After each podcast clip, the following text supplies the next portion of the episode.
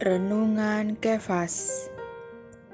Jumat 26 Mei 2023 Allah menjadi manusia daging. Yohanes pasal 1 ayat 14 berkata Firman itu telah menjadi manusia dan diam di antara kita. Dan kita telah melihat kemuliaannya yaitu kemuliaan yang diberikan kepadanya sebagai anak tunggal Bapa, penuh kasih karunia dan kebenaran. Inkarnasi Allah dijanjikan dan dinubuatkan dengan jelas dalam perjanjian lama. Dalam kejadian 3 ayat 15, Allah berjanji kepada Adam yang jatuh bahwa keturunan perempuan akan datang untuk meremukkan kepala si ular jahat yang merayu Adam untuk jatuh. Keturunan perempuan ini adalah Kristus.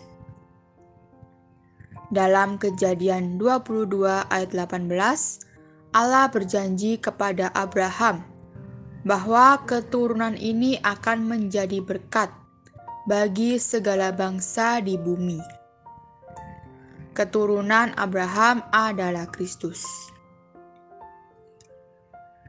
Kelahiran Kristus menghasilkan seorang manusia Allah, Immanuel, sebagai prototipe untuk reproduksi massal dari banyak manusia Allah. Allah menjadi Yesus, ini berarti Allah menjadi seorang manusia Allah. Manusia Allah ini adalah satu prototipe untuk mereproduksi jutaan manusia Allah.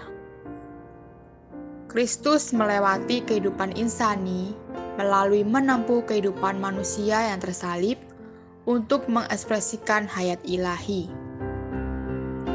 Hari ini, kita adalah reproduksi dari prototipe ini.